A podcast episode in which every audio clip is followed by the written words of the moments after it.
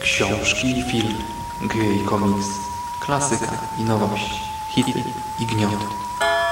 Wszystko co mroczne, straszne i tajemnicze znajdziesz na necropolitanblogspot.com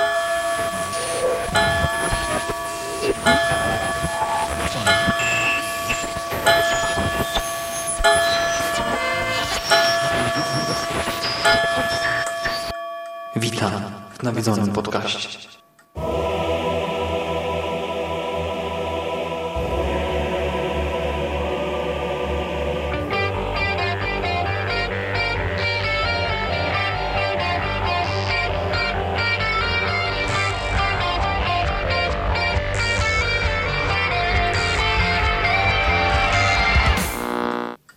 Jest sobota, 21 października 2017 roku.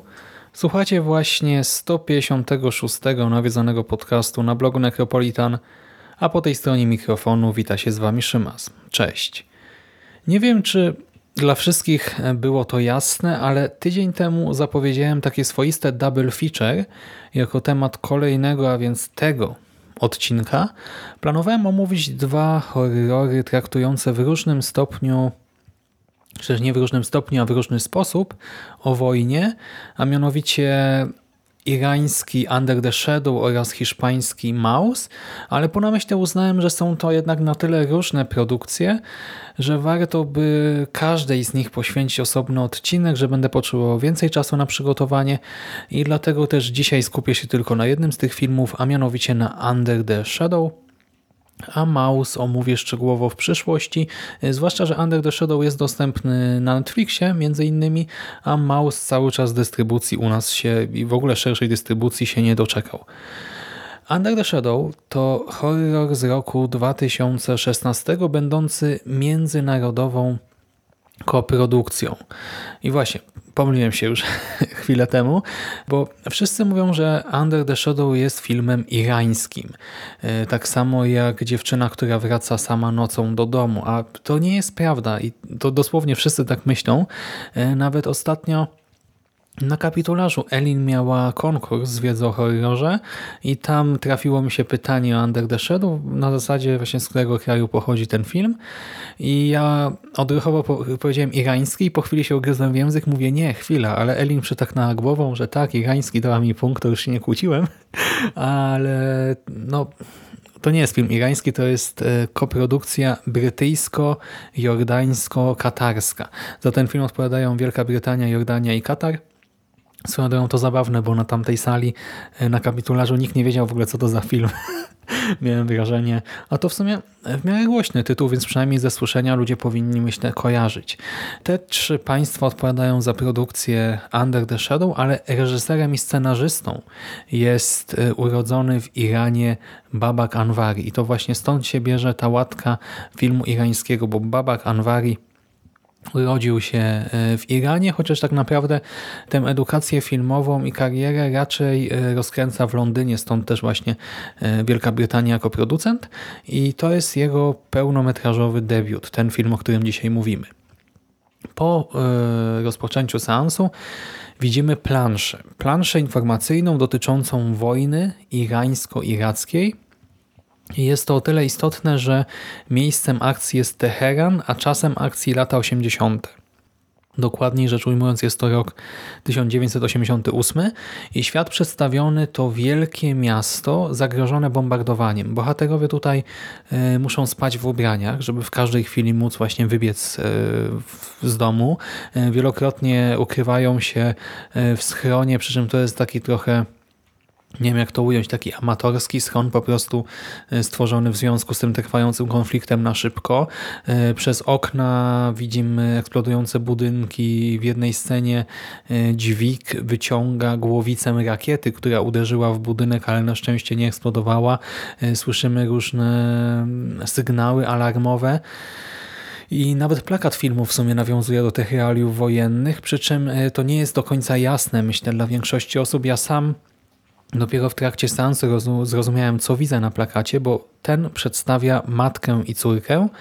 E, matkę z córką, na które pada światło przez okno. Przy czym, e, co istotne, jest to okno zaklejone taśmą. Jest na nie nalepiona taśma e, samoprzylepna, która ma chronić szyby przed pęknięciem w trakcie bombardowania. To wszystko stanowi tło dla historii, historii głównej bohaterki Shide i jej córki Dorsy. Shide próbuje wrócić na studia medyczne, ale z powodu zaangażowania politycznego e, w młodości jej aplikacja zostaje odrzucona, zostaje po prostu skreślona przez wcześniejsze e, zaangażowanie polityczne. E, kolejnego dnia jej mąż Iraj przyznaje, że został powołany do armii i trafi na miejsce aktualnych walk, co wiadomo jak się może skończyć, a do tego po prostu facet musi opuścić swoją rodzinę w dodatku Irak e, chwilę temu e, zagroził użyciem rakiet, e, a najprawdopodobniejszym celem jest właśnie Teheran. Ma więc nastąpić wielki atak na miasto. Nasza bohaterka mimo wszystko jednak nie chce uciekać. Widzimy wszechobecny strach, stres i to jak to wszystko prowadzi do konfliktów, tutaj między innymi między matką a córką. Kamienica, w której mieszkają nasze panie wyludnia się, po prostu część osób wyjeżdża, tak widzi, że ta sytuacja eskaluje zbyt szybko, że to zagrożenie jest na tyle duże, że no, nie ma sensu tutaj zostawać. A do tego w nocnych koszmarach obu bohaterek pojawiają się jeszcze upiorne, e, prawdopodobnie nadprzyrodzone istoty. I cały ten film to jest teatr dwóch aktorek. Narges Rashidi e, jako matki i Avin Manshadi w roli córki. W związku z tym faktem jest to raczej spokojne, statyczne dzieło, troszkę bardziej właśnie dramat wojenny nawet niż horror przez większą część sensu i też odrobinę przypominało mi to wszystko niektóre horrory azjatyckie, jeżeli chodzi o tempo prowadzenia akcji. I e, wiecie, ten film to nie jest e, art house e, w stylu dziewczyny, która wracała nocą sama do domu. Przecież nie, sama nocą do domu, tam chyba ten tytuł po polsku. Właśnie nigdy nie wiem, gdzie są te człony. tak? Chyba dziewczyna, która wracała sama nocą do domu. Właśnie to nie jest ten sam styl. Teoretycznie, wiecie, tu i tu twórca z Iranu, tu i tu jakaś istota nadprzyrodzona, tu i tu jakoś tam wątki w miarę egzotyczne dla widza z Europy Środkowej czy z Ameryki, ale to jednak są zupełnie inne klimaty. Temu filmowi Under the Shadow tak naprawdę w sumie równie daleko do tego typowego arthouse'u dziewczyny, która wracała sama nocą do domu, jak i do filmów e, prosto z Hollywood czujemy tę regionalną specyfikę. Y, troszkę w sumie to się ogląda jak kino europejskie, tak mi się wydaje. Y, coś właśnie pomiędzy Ameryką a jakimiś bardzo autorskimi produkcjami. No ale odrobinę tego autorskiego sznytu jednak i tutaj wyczujemy.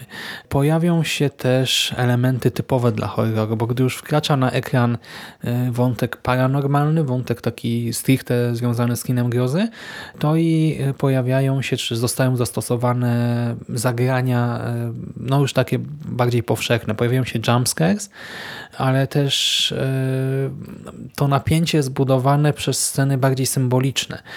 Na przykład cała ta mitologia związana z siłą nadprzyrodzoną y, oddziałuje bardzo silnie, myślę, na widza. Mamy tutaj symboliczną wymianę lalki na książkę, przerażającą dość mocną scenę zejścia do schronu i nagłego powrotu do domu w finale. Y, dostajemy też podwójny locus terribilis, czy też, nie wiem, dwupłaszczyznowy, dwuetapowy locus terribilis, taką niekończącą się przestrzeń, która po rozerwaniu się nagle ewoluuje, przekształca się w bagno, czy też nie wiem, jakieś smoliste, ruchome piaski. Diabły wiedzą, co to jest, ale wygląda to przerażająco. I nasz reżyser i scenarzysta e, Baba Kanwari rzeczywiście potrafi straszyć, tak? Potrafi stosować te różne zagrania świadomie, ale ten jego pełnometrażowy debiut nie jest e, w żadnym wypadku czysty gatunkowo. To nie jest czysty gatunkowo horror. E, mamy oczywiście ciekawą figurę potwora, a nawet może nawet kilku potworów, ale przez większość filmu e, to widmo wojny jest tym, co straszy naszych bohaterów. Widmo wojny straszy, przeraża, przybija, deprymuje, męczy. Te realia są tutaj niezwykle istotne. E, widzimy taki bezsens istnienia w tym świecie, miałkość ludzkiej egzystencji, miałkość e, wartości zarówno materialnych, jak i duchowych, nie wiem, dobytku naszego, czy nawet rodziny, która po prostu z dnia na dzień może się rozpaść tak samo jak możemy stracić majątek. E, I to oczywiście jest właśnie przerażające, ale wiecie, no nie można tego mylić e, z grozą jako właśnie gatunkiem. To jest przerażające w zupełnie inny sposób. I to się wylewa z ekranu. Film zaczyna się właśnie jak dramat wojenny o cywilach i powiem wam, że tak wizualnie, właśnie wizualnie ten film też jest bardzo ładny. Tutaj świetnie też reżyser ze swoim operatorem operują nomen omen widescreenem i to daje niesamowite efekty momentami, ale jeżeli chodzi o tę stylistykę, to ja na przykład e, przez moment e, zobaczyłem mieszkanie naszej głównej bohaterki, e, mieszkanie tej lewicowej rodziny lata 80. Teheran i uznałem, że na pierwszy rzut oka to się niewiele różni od Polski mojej młodości, że podobne mieszkania widziałem gdzieś u mojej rodziny, czy tam znajomych rodziny, gdy wtedy jako dziecko tam gdzieś tam odwiedzałem, e, ale jednak e, po chwili te realia polityczno-społeczno-kulturowe okazują się nietypowe, e, dość konkretne i zabijają ten sentyment, jakieś tam inne skojarzenia, wywołują dyskomfort i pokazują, że to jest jednak inny świat, że to jest świat, wiecie, no niby każda wojna jest podobną tragedią, ale tutaj Widzimy ten bardzo konkretny konflikt z jego uniwersalnością, ale też i specyfiką, e, z tymi wszystkimi restrykcjami, z tym e, dramatem kobiet też w tym świecie. To nie jest film, nie wiem, jakiś feministyczny sensu stricte, ale te wątki są tutaj obecne.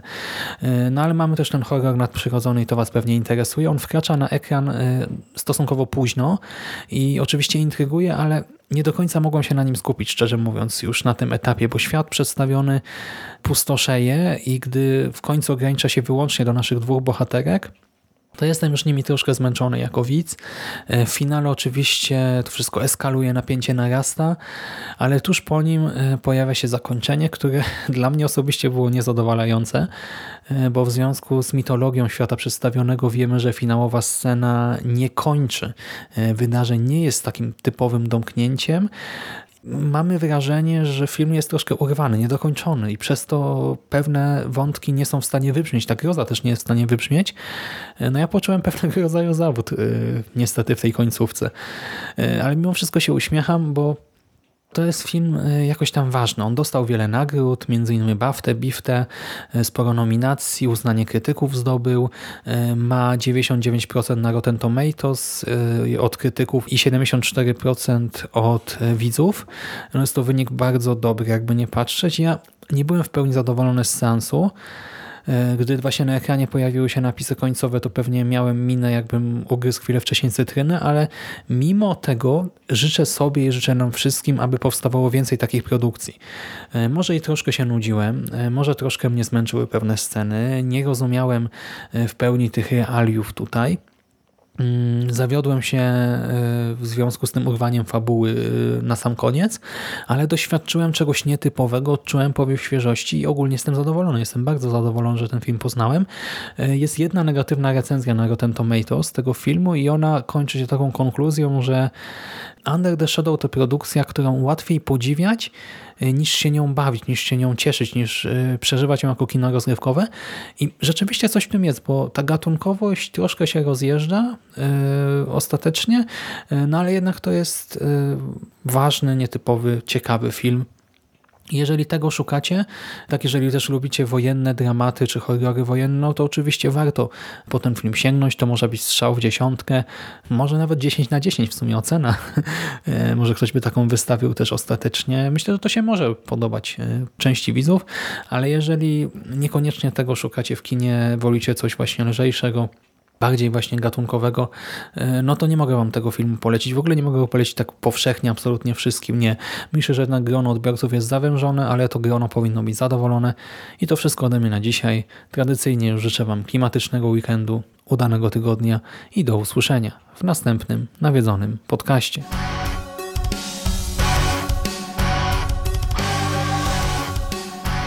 A już za tydzień kolejnym nawiedzonym podcaście.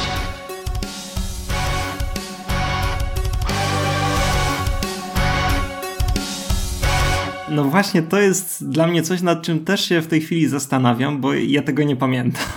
znaczy nie pamiętam skąd się wziąłem na kwasonie.